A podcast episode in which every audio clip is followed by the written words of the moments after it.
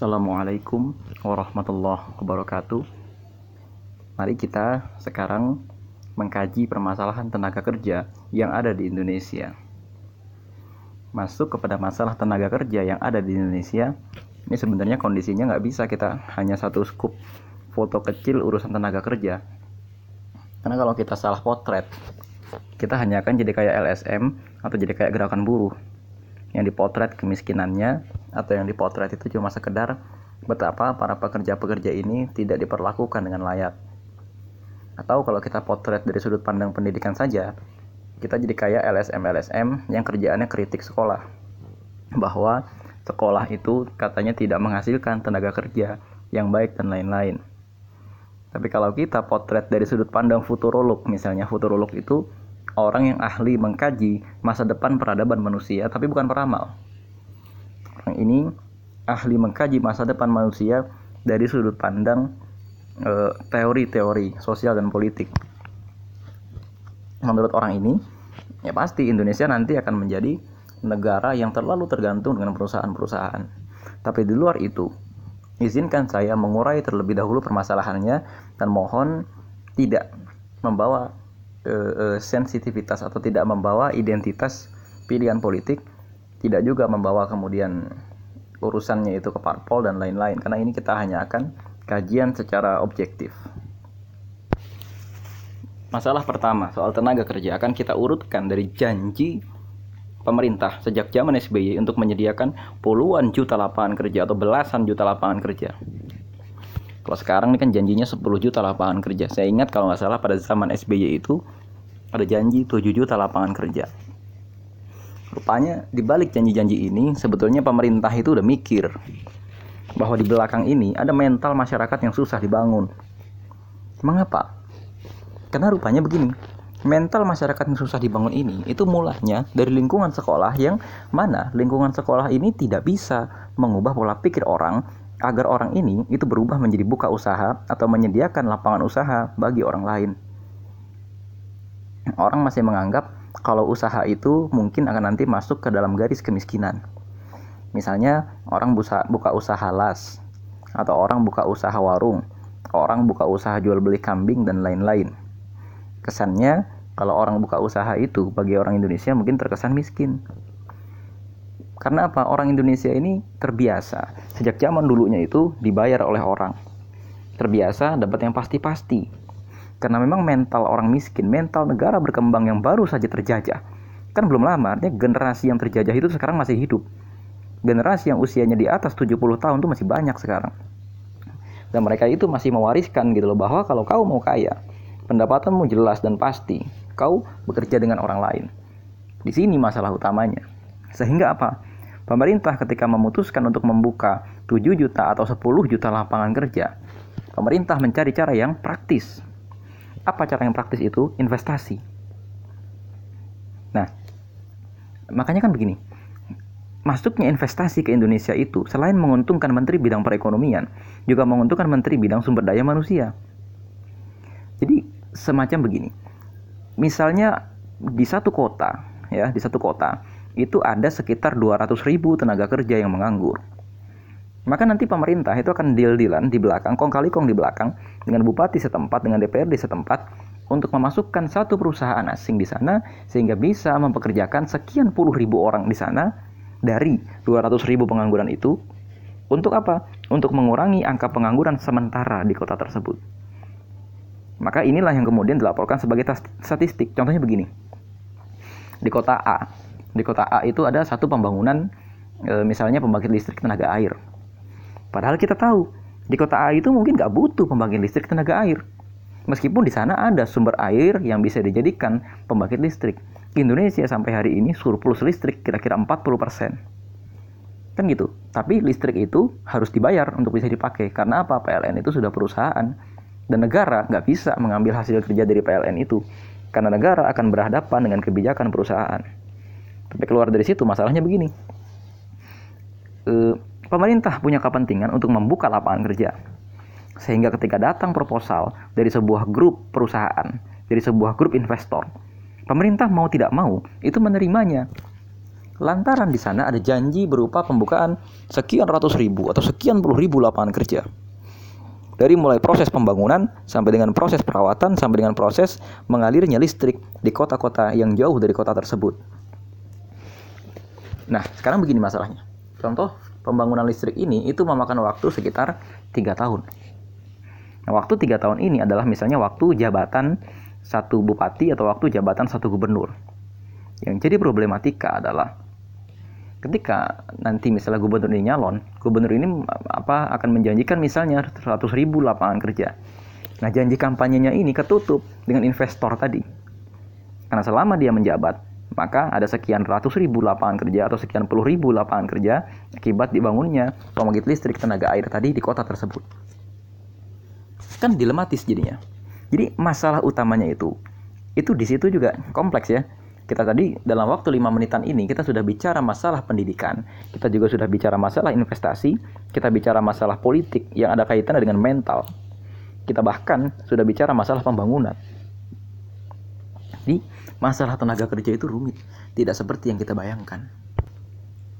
Kalau kita mau lanjut kepada persoalan lain, masalah sumber daya manusia yang ada kaitannya dengan tenaga kerja itu, itu kadang-kadang pemerintah ada kaitannya juga gini ya dengan sistem pendidikan kita sekarang sistem pendidikan kita itu proporsi kurikulum 2013 dan KTSP yang direvisi berulang kali itu itu masih menjadikan siswa itu terlepas dari kenyataan yang ada di dunia nyata.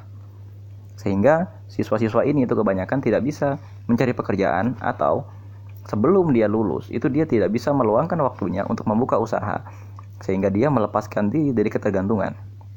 Ini masalah yang kedua. Dia tidak bisa melepaskan diri dari ketergantungan kepada perusahaan karena memang jam kuliah atau jam kerja yang sedemikian padat membuat mahasiswa-mahasiswa itu tidak bisa mengembangkan kehidupan yang mandiri. Ini persoalan lain. Mengapa?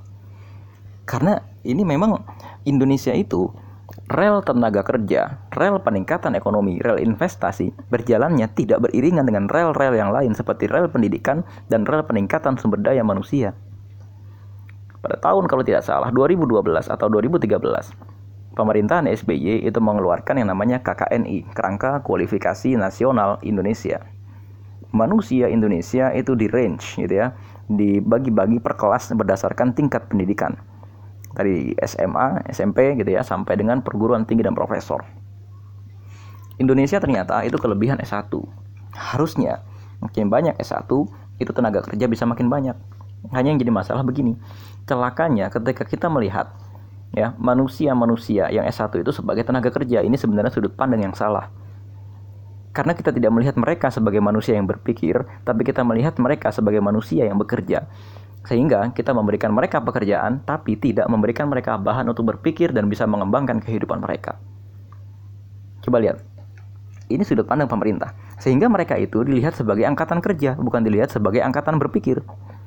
Karena mereka dilihat sebagai angkatan kerja, maka kebijakan-kebijakan pemerintah melalui investasi atau perusahaan-perusahaan yang masuk lapangan kerja yang dibuka, desainnya itu adalah memperlakukan mereka sebagai pekerja, bukan pemikir.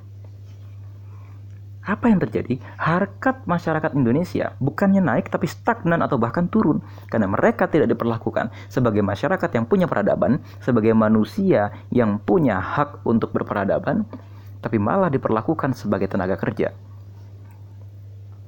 Ingat ini, sehingga kuliah itu masa kuliahnya dipercepat, sehingga mereka tidak boleh matang di dunia kampus. Dan ketika berhadapan di dunia kerja, mereka tidak biasa berorganisasi, mereka tidak biasa bekerja sama. Habis. Ini yang jadi persoalan. Dan ketika ketika di sekolah gitu ya misalnya, kurikulum ini kebanyakan itu terlalu, tidak terlalu memfokuskan kepada kurikulum kerjasama. Artinya learning by project gitu ya. Tapi kebanyakan memfokuskan kepada pencapaian-pencapaian angka. Sehingga orang tua berpola pikir udah anak saya dibimbelkan saja. Tapi tidak pernah berpikir untuk misalnya memberikan anaknya modal kerja dan lain-lain. Sehingga apa? Pulang sekolah dia buka usaha dan lain-lain ini adalah satu masalah lain gitu ya ketika rel ekonomi, rel tenaga kerja dengan rel investasi tidak beriringan dengan rel pendidikan atau justru beriringan, tapi iringan-iringannya itu nanti berjalan ke arah jurang kehancuran. Kok yang jelek-jeleknya terus yang diomongin? Lah emang iya. Kalau ngomongin yang bagus-bagus yang apain kita diskusi? Ya kan kalau ngomongin yang bagus-bagusnya nanti pada saat kampanye kita puji-puji orang yang kita dukung. Tapi sekarang gitu ya, tugas kita sebagai mahasiswa, tugas kita sebagai khalayak umum itu kita melihat di mana peran gitu loh, apa di mana celahnya gitu loh. Apakah ini mengkritik? Enggak. Ini bukan kritik. Ini namanya mencari jalan keluar dari permasalahan. Kita nggak akan bisa mencari jalan keluar sebelum tahu masalahnya di mana. Berkaitan dengan pendidikan ini ya, kita belokkan lagi. Sekarang akhirnya banyak profesor-profesor itu memutuskan untuk membentuk satu sistem pendidikannya sendiri.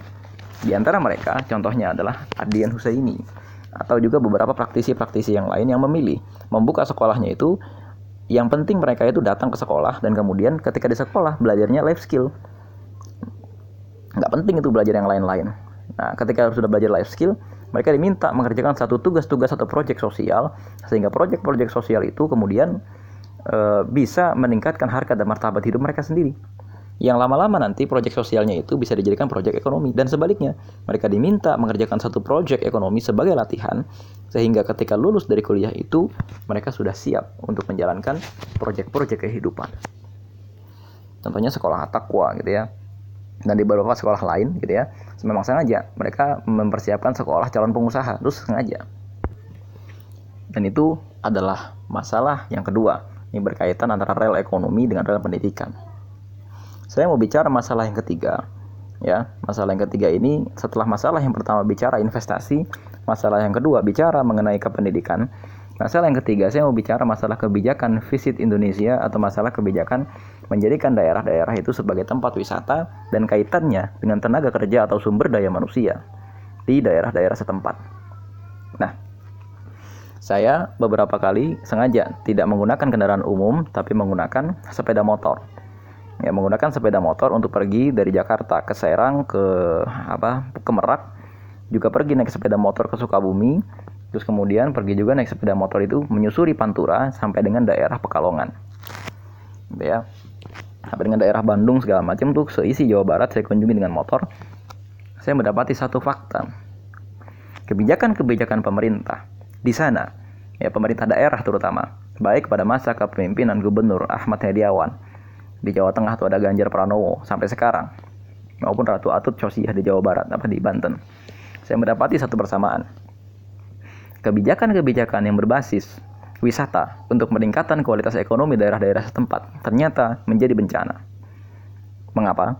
Satu, karena masyarakat diajak untuk meninggalkan ladang persawahannya dan menggantinya dengan kegiatan-kegiatan yang tampaknya produktif, yaitu mengolah hasil-hasil yang bukan hasil bumi menjadi barang-barang yang lebih berguna untuk dijual langsung. Kalau kita masuk kepada pendekatannya begini, kegiatan ekonomi kreatif biasanya itu ada di daerah-daerah yang tidak punya sumber daya sama sekali. Contoh, daerah Depok dan Jakarta. Depok dan Jakarta itu tidak punya sumber daya alam apa pun. Sehingga mereka itu dituntut untuk kreatif menciptakan makanan-makanan yang karena mereka itu nggak punya makanan tradisional. Daerah Depok dan Jakarta itu menciptakan makanan-makanan jenis baru dan kafe itu dibuat sedemikian menarik agar orang terus punya alasan pergi ke daerah Jakarta dan Depok untuk wisata kuliner. Permasalahannya adalah ketika ini dilakukan di daerah atau kota yang menjadi kota agraris, ini menjadi masalah. Kawan-kawan sekalian, kalau teman-teman mau sedikit melihat ya pola pembangunan, dulu zaman Pak Harto itu itu ada kebijakan. Kalau teman-teman perhatikan, kenapa kok ada Bekasi dan ada kota Bekasi? Ya, ada Cirebon, ada kota Cirebon. Semarang juga begitu. Ada kota utama, ada kota kabupaten. Mengapa? Karena konsepnya itu itu satu kota, satu daerah itu bisa mandiri. Mandirinya bagaimana? Kota, kabupaten itu berfungsi sebagai pusat pemerintahan dan pusat administrasi dan ibaratnya rumah sakitnya, sekolahnya segala macam di sana. Sementara kabupaten yang biasanya melingkari daerah kotanya itu berfungsi untuk menyangga ekonomi, pangan, dan masalah ketersediaan tanah dan wisata. Yang jadi persoalan adalah sekarang bupati-bupati yang memimpin kabupaten yang seharusnya menjadi penyangga dari kota utama, kebijakannya itu gak sinkron dengan keadaan kotanya, dengan keadaan kabupatennya. Kabupaten-kabupaten yang seharusnya cirinya itu agraris, atau cirinya itu tambang, atau cirinya itu peternakan dan pertanian, atau bahkan kelautan. Berlomba-lomba menjadikan daerahnya itu daerah wisata. Dan masyarakat terpaksa dan dipaksa mengikuti jalur-jalur pembangunan yang ada di sana, mengikuti jalur pembangunan jalan, berubah profesinya dari petani menjadi pedagang ekonomi kreatif, ekraf. Jadi kebijakan ekonomi ekraf itu itu turut gitu ya menghilangkan e, bahasanya tuh kearifan tenaga kerja lokal yang ada di sana. Dan ini saya dapati ketika saya saya ini sudah hidup sekitar 20 tahun di daerah Jabodetabek. Saya tahu sekali itu daerah Tangerang, Tangerang Kota, Tangerang Selatan, Bogor, Bogor Kota, daerah Sukabumi, Cianjur, dan terutama juga daerah Depok dan kemudian daerah Bekasi.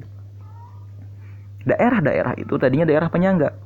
Hanya kemudian begini, setiap ada satu objek dibangun oleh pemerintah, contoh objek itu sederhana, jalan tol misalnya, itu akan secara gratis mengubah masyarakat yang tadinya pekerjaannya sebagai petani berubah menjadi orang-orang yang berdagang karena mereka tidak punya pengalaman sebagai pedagang.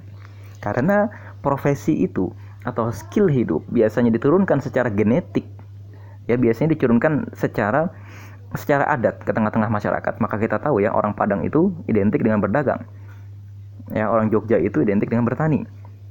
Atau misalnya kita ketahui orang Aceh itu identik dengan e, petani gitu ya. Kenapa? Karena ini diturunkan secara genetik. Akhirnya ketika terjadi perubahan di satu generasi dengan dibangunnya jalan, dibangunnya peta gitu ya, misalnya ada, ada peta pembangunan gitu ya ternyata di daerah yang sebelumnya agraris berubah menjadi daerah perumahan namanya daerah perumahan pasti berubah perumahan itu butuh jalan perumahan itu butuh pasar butuh sekolah butuh rumah sakit sementara di desa bukan berarti tidak butuh tapi kebutuhannya tidak seurgen itu nah art artinya di satu generasi generasi petani dan nelayan ini berubah menjadi generasi yang kemudian tidak lagi bergantung kepada sawahnya dan ini yang mereka ini kemudian di generasi anaknya yang anaknya di masa kecilnya sempat mengalami persawahan. Kemudian mereka ini akhirnya berubah menjadi generasi atau menjadi orang-orang yang menjadi beban kota. Maka biasanya akan terjadi konflik antara warga pendatang dengan warga asli karena warga pendatang dengan segala kemampuannya itu lebih cocok di kultur kota yang baru terbangun ini daripada warga asli. Warga asli itu biasanya tinggalnya di daerah pedesaan dan ketika desanya berubah menjadi kota, skill hidupnya tidak cocok. Karena skill hidupnya tidak cocok, mereka tidak punya uang yang cukup untuk bisa bertahan hidup dan mereka berubah menjadi beban kota. Dan pendatang gitu ya, itu kan kemudian gini, pendatang ini kemudian secara tidak sengaja itu mengambil sumber penghidupan mereka dan mempekerjakan warga asli di sana di level pekerjaan yang lebih rendah. Artinya kasta-kasta itu datang ketika kota bersentuhan dengan desa. Ini persoalan serius. Gitu ya, ini persoalan serius. Sedangkan di masalah ini, kunci penyelesaiannya ini sebenarnya di kebijakan pemerintah. Kan begini, kalau kita lihat di surat Al-Hasyr ayat 11 kalau tidak salah ya. Atau ayat 9 saya lupa. Wallazina ja'u min ba'dihim yaquluna rabbana ighfir lana wa li ikhwanina allazina sabaquna bil iman wa la taj'al fi qulubina ghilla lil ladzina amanu. Ya kan? Rabbana innaka ra'ufur rahim. Jadi ayat ini sebetulnya bicara interaksi antara orang Ansor dan orang Muhajirin ini interaksinya kita anggap bukan cuma interaksi antara orang-orang yang mengungsi dengan orang-orang yang menerima, tapi interaksi antara kultur kota Mekah yang bukan agraris ketemu dengan kultur kota Madinah yang dia ini kultur agraris. Artinya kultur kota ketemu sama kultur desa. Orang Ansor itu kebanyakan kulturnya itu desa. Tapi kemudian ketika Rasulullah menengahi mereka, ya, yang terjadi adalah yaquluna rabbana ighfir lana. Ampunilah aku ya Rob wal sabaquna bil iman. Dan ampunilah saudara-saudara kami yang baru hijrah itu yang lebih dahulu ketika beriman. Wala taj'al fi qulubina dan jangan jadikan kami orang-orang yang ingin punya apa yang mereka punya. Jangan jadikan kami orang yang punya ghil. Ghil itu iri dengki dengan apa yang mereka punya. Karena apa? Di balik doa ini itu tersimpan kerja, tersimpan satu ikhtiar agar jarak antara orang desa dan orang kota, jarak antara pola hidup orang kota Mekah dengan jarak antara pola hidup kota Madinah itu bisa dikurangi. Ini ekstrim, Islam itu ekstrim. Islam itu mampu mempertemukan antara kultur kota Mekah yang sedemikian kota niaga internasional dengan kultur petani yang sedemikian mereka itu nggak pernah ke mana-mana karena memang bergantung dari hasil bumi. Apa yang terjadi? Madinah berubah menjadi ibu kota Islam. Caranya bagaimana? Sekolah. Sekolah Siapa gurunya? Nabi Muhammad. Maka kalau Islam diajarkan secara benar, interaksi antara orang kota dan orang desa harusnya tidak menjadi masalah. Kebijakan visit Indonesia atau kebijakan wisata atau kebijakan yang mendatangkan orang kota kepada desa harusnya tidak menjadikan masalah sehingga angka kemiskinan terus bertambah, bertambah dan bertambah lantaran yang menjadi masalah adalah tolak ukur kita dalam e, mengkaji atau dalam menakar berapa kuat persaingan orang desa dengan orang kota harusnya diubah. Karena yang terjadi adalah kita menggunakan alat ukur orang kota untuk menakar orang desa.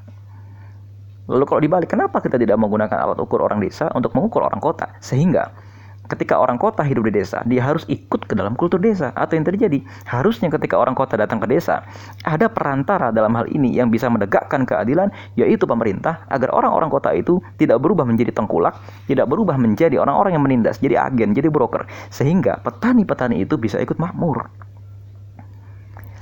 Ini yang kemudian bisa menjawab masalah lapangan kerja. Jadi kalau kita lihat masalah lapangan kerja, udah nggak usah jauh-jauh masalah undang-undang ini itu. Kita nggak usah jauh-jauh bicara masalah omong kosong kebijakan-kebijakan tenaga kerja. Ini masalah falsafah bagaimana cara menghadapi tenaga kerja. Mohon maaf saya agak keras dalam masalah ini karena saya adalah penggerak sosial. Saya bersentuhan dengan orang-orang yang tadinya petani dan kemudian sekarang bingung mau ngapain karena tanah mereka itu berubah menjadi apartemen, berubah menjadi dan lain-lain tidak banyak. Hari ini saja, ini saya baru pulang itu dari daerah kampung akuarium. Daerah kelautan, daerah nelayan, daerah tambak, daerah tempat ngasinin ikan asin diubah menjadi apartemen. Ya mereka bisa apa? Allah alam bisa. Kira-kira itu yang bisa saya sampaikan.